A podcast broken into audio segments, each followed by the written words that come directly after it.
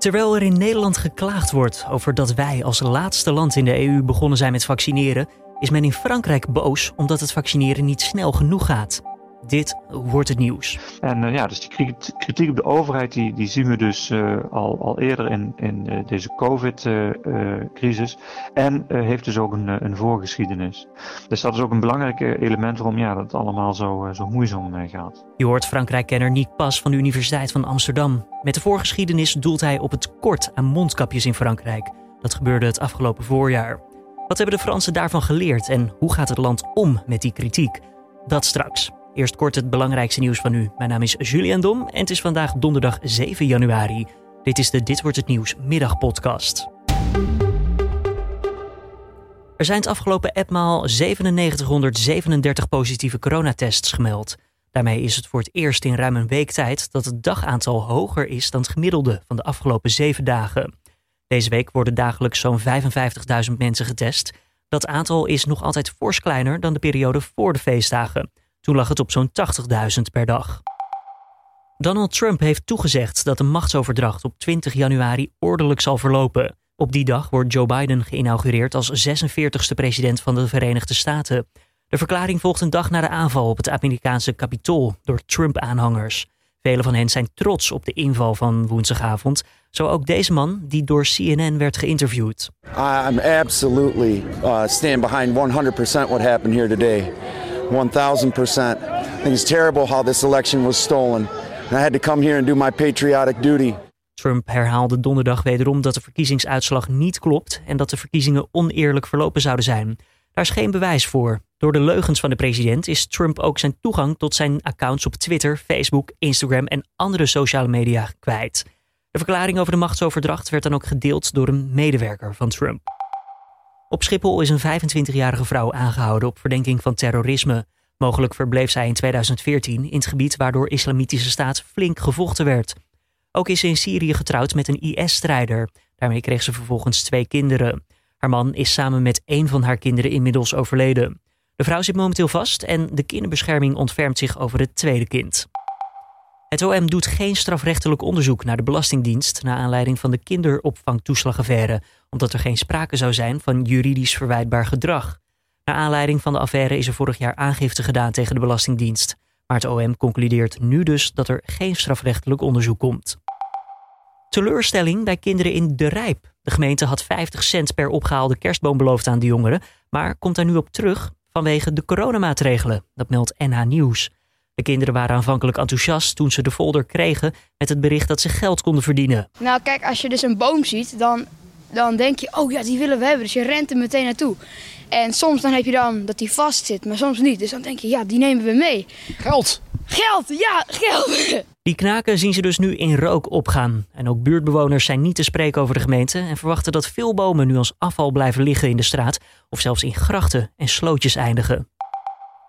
Rond de jaarwisseling is voor zo'n 6 miljoen euro aan schade aan woningen en auto's aangericht. Dat is een stuk lager dan vorig jaar, want toen lag het steeds rond de 14 miljoen euro. Dat meldt het Verbond van Verzekeraars. En het kwam natuurlijk vooral door het vuurwerkverbod. Dus de verzekeraars hopen dat het een blijvertje is, zeiden ze op Radio 1. Ik vind toch dat we, ondanks dat de cijfers natuurlijk nu gunstiger zijn... toch niet normaal moeten gaan vinden dat er uh, miljoenen schades zijn... en dat er uh, ja, toch behoorlijk wat mensen ook weer uh, verwondingen oplopen.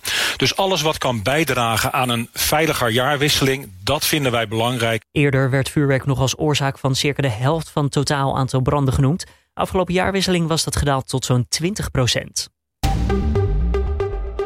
Dan door naar ons gesprek deze middag. Op 26 december werd in Frankrijk de eerste coronaprik uitgedeeld. En daarmee begon Frankrijk bijna twee weken eerder dan Nederland met die vaccinatie.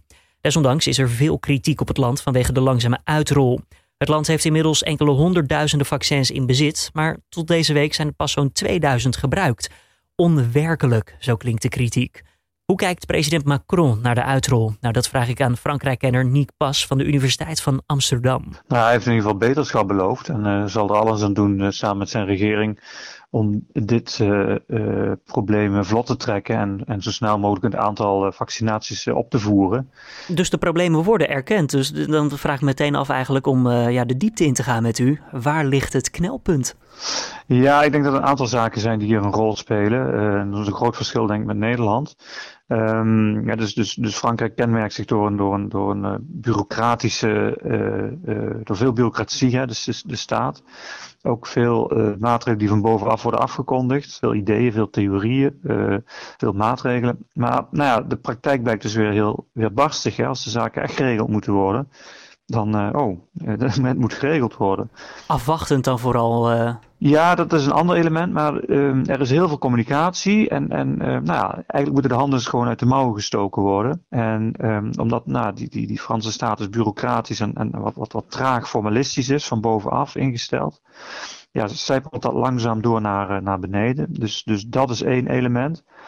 Um, en een ander element inderdaad, um, ja, je ziet dus toch dat de, de, de, Franse overheid, en we zagen dat ook al eerder uh, dit jaar, in de, rond de kwestie van het aantal mondkapjes dat ter beschikking werd gesteld, en dat kwam ook allemaal heel moeizaam op gang, dat die overheid heel, heel voorzichtig, omzichtig te werk gaat. En ik denk dat dat ook, en dat zijn ook verklaringen die je hoort, uh, ook mede te maken heeft met het feit dat um, er in uh, eind vorige eeuw, dus in de jaren negentig, een, groot schandaal um, op het gebied van gezondheidszorg zich heeft afgespeeld. Het zogeheten bloedschandaal. Um, waarbij honderden hemofiliepatiënten bloedtransfusies kregen toegediend met uh, die HIV besmet uh, bleken. Ja.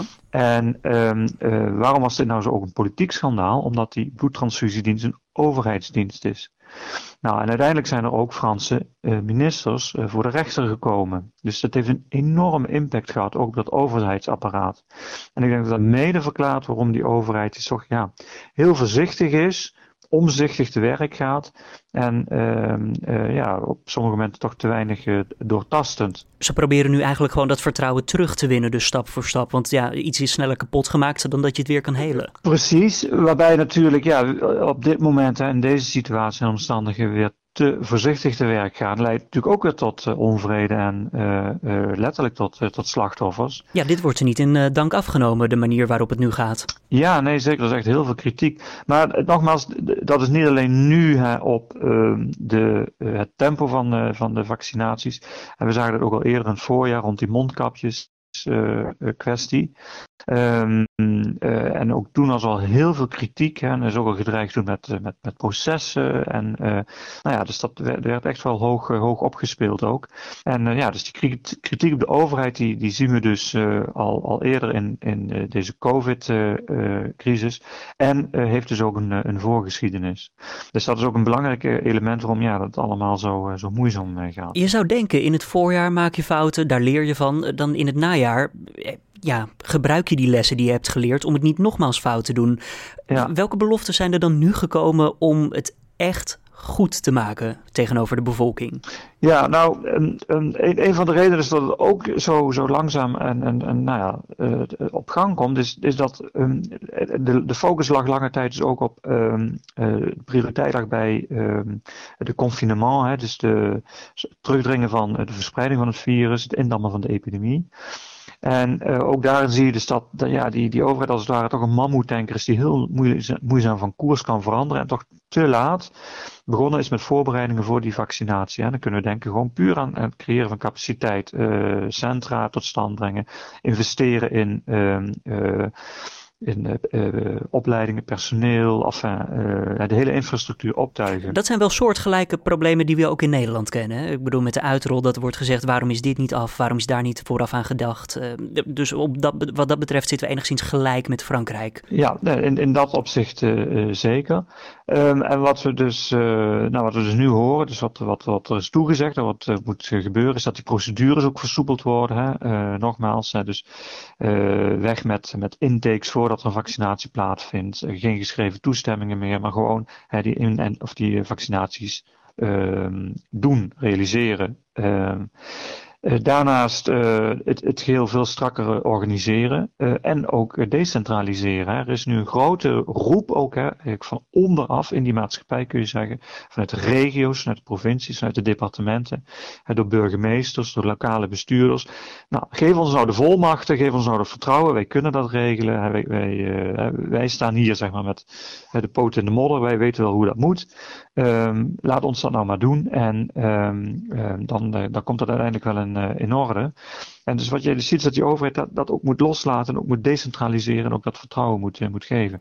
Kan, kan de Franse overheid dat een beetje, dat loslaten? Want daar komt het dus wel blijkbaar een heel jaar op neer. Ja, nou ja, maar dat is dus hè, waar we het dus in het begin over hadden. Dat is dus een van die structurele elementen, hè, wat, wat we zien in dit hele proces van deze sanitaire crisis.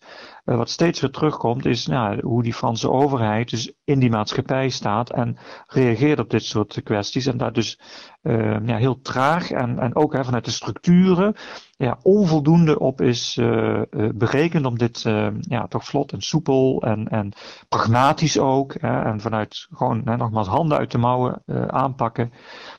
decentraliseren om dat te doen. En dat is ook een, een ja, je kunt ook zeggen, een weefselfout zeg maar, in die of een weefselproblematiek in, die, uh, in die, uh, de manier waarop de Franse overheid is gestructureerd en georganiseerd. Is er ook misschien, ja, als we naar de andere kant kijken, is er lof voor de overheid voor sommige aspecten van hoe ze dit hebben aangepakt? Nou, uiteindelijk uh, was er heel veel kritiek in het voorjaar. En nou, naarmate dus zeg maar de de, de epidemie uh, tot bedaren leek uh, te, te, komen, was er zeker ook, was er zeker ook waardering hè, voor het optreden van, van de overheid. Want ja, nou ja, het, het, beleid had effect. Hè, Frankrijk is in een zeer strenge, zeker vergeleken bij Nederland, zeer strenge lockdown gegaan, confinement genoemd in het voorjaar. Een, een nieuwe lockdown, reconfinement in het najaar. Ook nu zijn er weer plaatselijk of lokaal, regionaal weer zeer strenge maatregelen afgekondigd. Hè. Avondklokken vanaf 6 uur s'avonds. Nou, kom daar eens om in Nederland, hè, dat, dat kennen we hier helemaal niet.